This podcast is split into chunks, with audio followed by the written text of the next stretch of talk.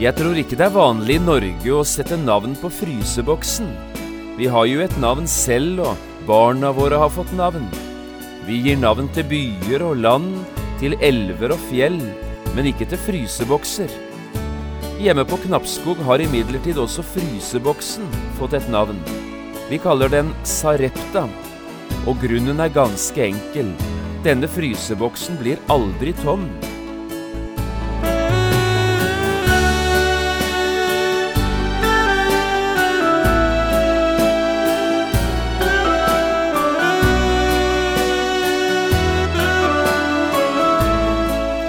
Hjertelig velkommen til et nytt program i serien Vindu mot livet. Programmet er produsert av Kristen Riksradio og blir ledet av Jon Hardang. Kristen Riksradio drives av frivillige gaver. Vi er glade for din støtte.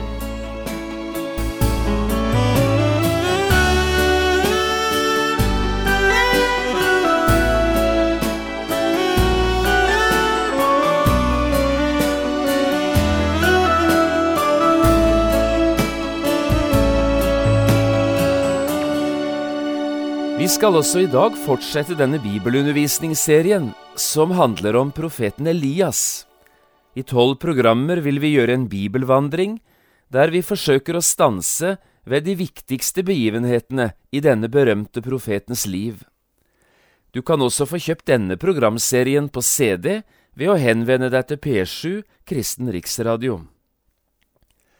Også i dette programmet skal vi lese om det som skjedde etter at profeten Elias hadde stått fram for kong Akab og forkynt at landet skulle rammes av en drepende tørke. Dette var en Guds dom både over folkets og kongehusets avgudsdyrkelse. Nå har også bekken Krit, der profeten har oppholdt seg, tørket inn, og Gud sender profeten nordover, til byen Sarepta. Og hva som skjedde der, det skal vi lese om i dag. Vi leser fra første kongebok i kapittel 17 og leser avsnittet fra vers 7 til 16. Jeg har kalt dagens program Sarepta. Men da det hadde gått en tid, tørket bekken bort, det kom ikke regn i landet. Da kom Herrens ord til Elias, og det lød så. Stå opp og gå til Sarepta, som hører til Sidon, og bli der. Jeg har befalt en enke der å gi deg mat. Elias sto opp og gikk til Sarepta. Da han kom til byporten, fikk han se en enke som gikk og sanket ved. Han ropte på henne og sa, Hent litt vann til meg i en skål, så jeg får drikke. Da hun nå gikk for å hente vann, ropte han etter henne og sa, Ta med et stykke brød til meg. Da sa hun, Så sant Herren din Gud lever, jeg eier ikke en brødbit. Jeg har bare en håndfull mel i krukken og litt olje i kruset. Nå går jeg her og sanker et par stykker ved for å gå hjem og lage det til for meg og min sønn, så vi kan ete dette og dø. Men Elias sa til henne, Frykt ikke, gå hjem og lag det til, som du har sagt. Lag bare først et lite stykke brød til meg av dette, og kom ut til meg med det. Siden kan du lage til noe for deg og for din sønn. For så sier Herren, Israels Gud, melkrukken skal ikke bli tom, og oljekruset ikke mangle olje, helt til den dag Herren sender regn over jorden. Hun gikk og gjorde som Elias hadde sagt, og de hadde mat, både han og hun og hennes hus, i lang tid. Melkrukken ble ikke tom, og oljekrukken manglet ikke olje, slik som Herren hadde talt gjennom Elias.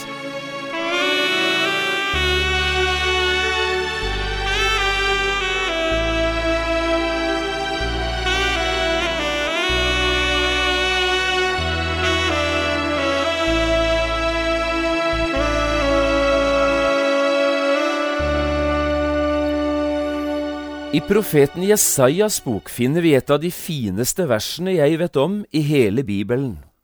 Jeg tenker på den første setningen i kapittel 1, 25, der Gud sier det slik, Og jeg vil igjen ta meg av deg. Det som gjør dette verset så spesielt, i alle fall for meg, er det lille ordet på fem bokstaver midt i verset, nemlig ordet igjen og jeg vil igjen ta meg av deg. Ordet igjen, det betyr på nytt, en gang til, enda en gang. Ordet forteller altså om en Gud som ikke har gitt opp. Ennå er det håp. Han som begynte en god gjerning, han vil fortsette den, og han vil fullføre den, helt til han når det målet han har satt, også for mitt liv. Dette synes jeg er en utrolig trøsterik og god tanke.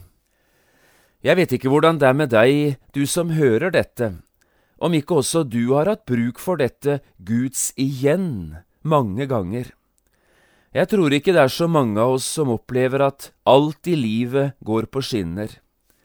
Vi har vårt å stri med, de aller fleste, og kan nok oppleve at livet rakner, både på den ene og den andre måten. Kanskje befinner du deg i en slik situasjon akkurat nå. Livet har på en måte gått i stå, og du er i ferd med å ville gi opp det hele. Hør nå hva Gud sier også til deg i dag. Jeg vil igjen ta meg av deg. Tør du tro at dette gjelder også deg, akkurat i dag, også i den situasjonen du befinner deg i akkurat nå? Det er slik dette ordet er ment. Det er Gud selv som sier det, den allmektige. Og nå er det deg det gjelder, ikke bare alle de andre. Jeg vil igjen ta meg av deg. Kan du ikke prøve å ta dette til hjertet? Våg å tro at det fremdeles er håp, og at det fremdeles finnes muligheter for en ny begynnelse, også i ditt liv. Når jeg nevner dette bibelordet akkurat her, i forbindelse med profeten Elias sin livshistorie, har dette selvsagt en bestemt grunn. En av grunnene er at også profeten ofte fikk bruk for dette Guds igjen, ikke én gang i livet, men mange. Det kommer vi nok tilbake til litt senere i denne programserien. Men det er også en annen grunn og den har forbindelse med det bibelavsnittet vi nettopp leste sammen, altså om det som skjedde da profeten Elias ble sendt til Sarepta, en liten by et stykke nord for Israel, inne i det området som vi i dag kaller for staten Libanon. Nå skal du få høre. For det første står det mer i Jesaja 1,25 enn det jeg nå har sitert. Nå skal du få høre hele dette bibelverset, hva som egentlig står. Og jeg vil igjen ta meg av deg, jeg vil smelte ut ditt slagg som med lutsalt, og skille ut alt ditt bly. Her står det altså ikke bare at Gud igjen vil ta seg av oss, det står også hvordan han vil gjøre det. Han vil ta oss med inn i sin egen smeltehytte, slik en smed gjør det når han arbeider med metall. Og her inne vil Gud legge oss i smelteovnen, eller ned i smeltedigelen, for så å lutre og rense oss. Og hensikten er at han på denne måten vil styrke både vår tro og foredle vårt liv.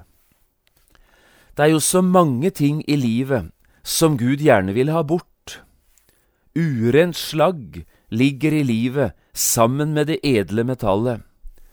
Og det Gud aller helst vil ha bort fra ditt og mitt liv, det er alt dette som begynner med ordet selv.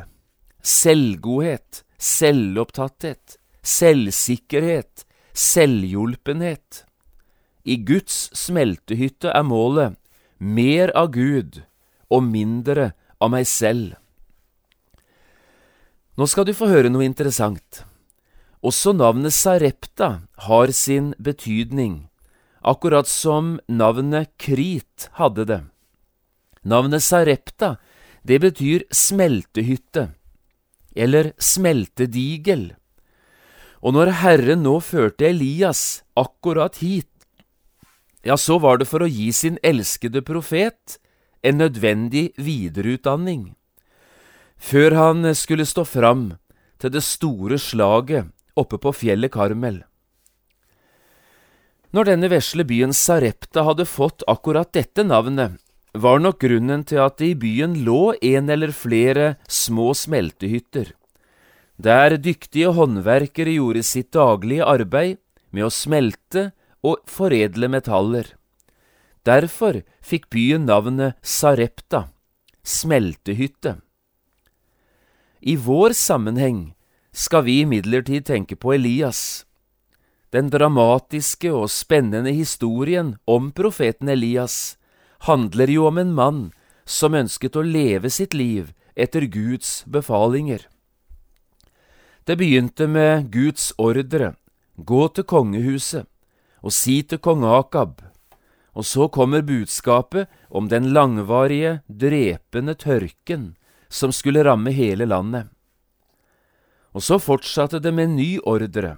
Gå herfra, ta veien mot øst, og gjem deg ved bekken Krit. Og så igjen, etter ca ett år ved denne bekken, så kommer en ny befaling fra himmelen.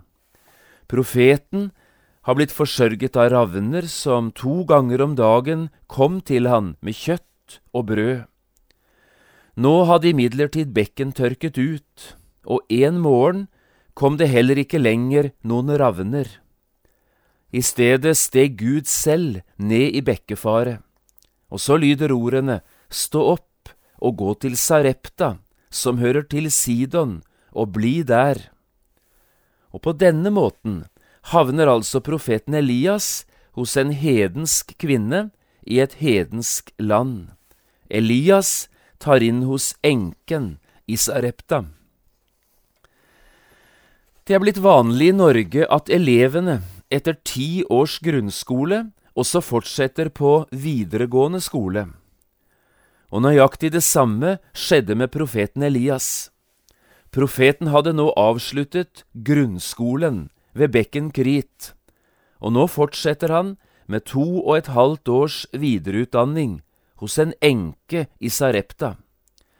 Og den undervisningen som ravnene først hadde stått for, den blir nå videreført av en fattig enke. En eh, underlig og nokså original utdanning, spør du meg, men effektiv var den, i alle fall med tanke på det målet Gud hadde for profetens liv og tjeneste. Kanskje kunne vi si det på en annen måte, det som her skjer.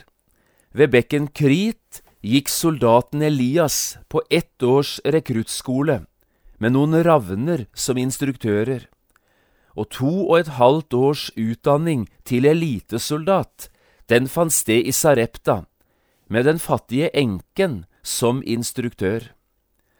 Vi kan undre oss over den himmelske generalen sin strategi, men Gud, han visste hva han gjorde. Og vi skal kanskje komme til å undre oss enda mer når vi ser hvilket resultat Gud virkelig kom fram til i denne mannens liv. I det forrige programmet snakket vi om Elias ved bekken Krit. Dette navnet, Krit, betydde altså å kutte av, å skjære bort, eller rett og slett beskjæring. Og det var dette som var Guds første strategi, om han skulle nå sitt mål med Elias. Profeten ble avskåret fra hele sitt tidligere miljø, både kjente omgivelser, daglige plikter, det travle livet og kjente medvandrere. Her i stillheten, i det vesle bekkefaret Krit, begynte Gud å forme et nytt redskap. Jeg tror faktisk dette er en av de viktigste manglene også i vår tid. Kristne mennesker som er villige til å la seg beskjære, både når det gjelder tidsbruk, travelhet og sosiale aktiviteter. og kanskje enda mer, vi mangler mennesker som ikke er redd for ensomheten, og som er i stand til å stå alene. Og så, oppe i Sarepta, fortsatte Gud sin gjerning med Elias, en gjerning som krevde mer tid enn hva tilfellet hadde vært nede ved bekken Krit. Nå skulle nemlig Elias i smeltedigelen. Selvopptatthet, selvgodhet og selvsikkerhet skulle smeltes bort. Nå skulle hans liv herdes og hans tro foredles, så han på denne måten kunne bli satt i stand til å møte de påkjenningene som snart ventet ham. Bibelen forteller så om to konkrete ting som skjedde med Elias mens han bodde her hos enken i Sarepta. Det ene hadde med melkrukken og oljekruset å gjøre, det andre med enkens sønn, som plutselig ble syk og døde. Og det var altså det første vi nå leste om i bibelteksten i dag. Så la oss si litt om dette i siste delen av dette programmet. Du husker hva som skjedde, ikke sant, da Elias kom til Sarepta etter lang tids reise. Her møtte han en fattig enke som egentlig forberedte seg på døden. Hun gikk ute på marken for å sanke ved til sitt siste måltid sammen med sin eneste sønn. Elias ber henne om vann, han ber også om at enken vil lage et lite stykke brød til han.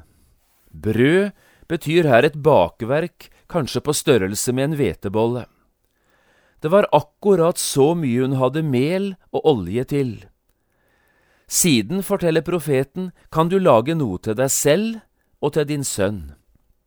Men enken, hun visste at mer enn ett eneste brød ville det ikke være nok til denne dagen og allikevel gjorde hun det, laget et brød til profeten. Og så skjedde underet. Melkrukken ble ikke tom, og oljekruset gikk ikke tomt for olje. Dag etter dag, måned etter måned, ja, i flere år, levde disse tre godt på melet og oljen som det aldri ble slutt på. Vi har en fryseboks hjemme hos oss på Sotra som vi har gitt et navn. Vi kaller den for Sarepta. Nå er det sikkert ikke vanlig å gi navn til en fryseboks, men det har altså vi gjort. Og du forstår kanskje hvorfor vi kaller fryseboksen for Sarepta. Jo, det er fordi det er med fryseboksen vår som det kanskje også er med din. Den er som regel alltid velfylt, og den har aldri til dags dato vært tom akkurat som i Sarepta. Jeg vet ikke om det stemmer også hjemme hos dere? Dette var nå bare en assosiasjon. Men hva kan vi lære av historien om melkrukken og oljekruset i Sarepta?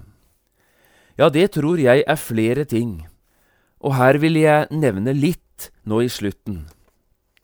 For det første, det lyder jo ikke særlig beskjedent, det Elias sier til denne enken i Sarepta. Du husker hva vi leste?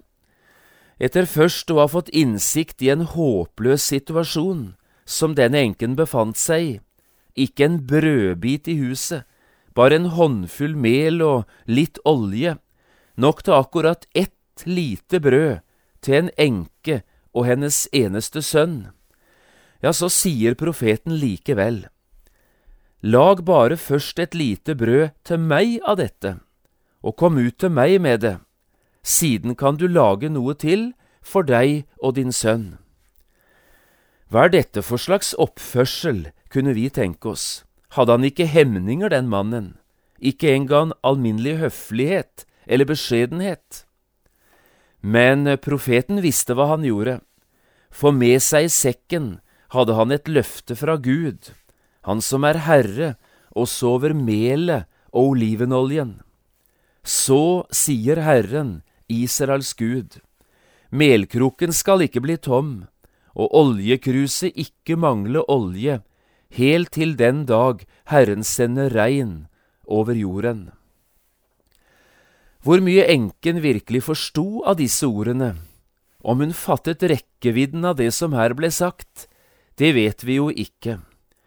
Men hun innrettet seg i alle fall etter det, og så fikk hun erfare sannheten i Guds løfte. Det var jo ikke styrken i hennes tro, det var innholdet i Guds løfte som var det avgjørende. Og dermed er vi over på det andre, og det har relevans til deg og meg som lever i dag, og som vil ha med Gud å gjøre nå. Også vi har nemlig fått en melkrukke. Den heter Bibelen og inneholder Guds ord. Og vi har fått tilgang på et oljekrus. Det heter Guds ånd. Vi har fått tilgang på Den hellige ånd. Og hør nå, melkrukken skal ikke bli tom. Oljekruset skal ikke mangle olje. Dette er Guds løfte, også til deg og meg som lever i dag. Og det har til dags dato aldri skjedd for noe menneske som tok dette løftet på alvor, at Bibelen sviktet og ikke hadde mer å gi, eller at Guds ånd kom til kort og mistet sin kraft. Nei, det har aldri skjedd, og det kommer heller aldri til å skje. La oss derfor si til hverandre nå, lev i Guds ord, lev av Guds ord, og så må du gjerne gi Guds ord videre til andre, slik profeten Elias gjorde, men sørg bare først for å få et stykke brød til deg selv, for å bruke bildet fra Sarepta. Ja, for hvordan skulle du orke å gi mat til andre hvis du ikke selv først har spist? Og hvordan skulle du ha noe å gi til andre dersom du ikke selv har tatt imot fra Guds matlager. Og på samme måten, lev ditt liv i Ånden, vandre i Ånden, bli fylt av Ånden, gi Den hellige ånd både rom og råderett i ditt eget liv. Men som tilfellet var på Elias' tid, å bli fylt av Ånden, det handler ikke om en engangsopplevelse. Det handler om stillhet, om tid, ja ofte om lang tid. Men nettopp slik kan også du bli et menneske som virkelig betyr noe for andre. Bare slik vil også du kunne leve et liv i Elias' ånd og kraft. Jeg vet ikke hvordan det er med deg, du som hører dette, om ikke også du lengter etter dette, daglige erfaringer av Guds ufattelige rikdom og så et liv der du har noe godt å gi videre til andre. I så fall trenger du å gjøre en ny tur til Sarepta, og til møte både med melkrukken og oljekruset, som aldri vil gå tomme.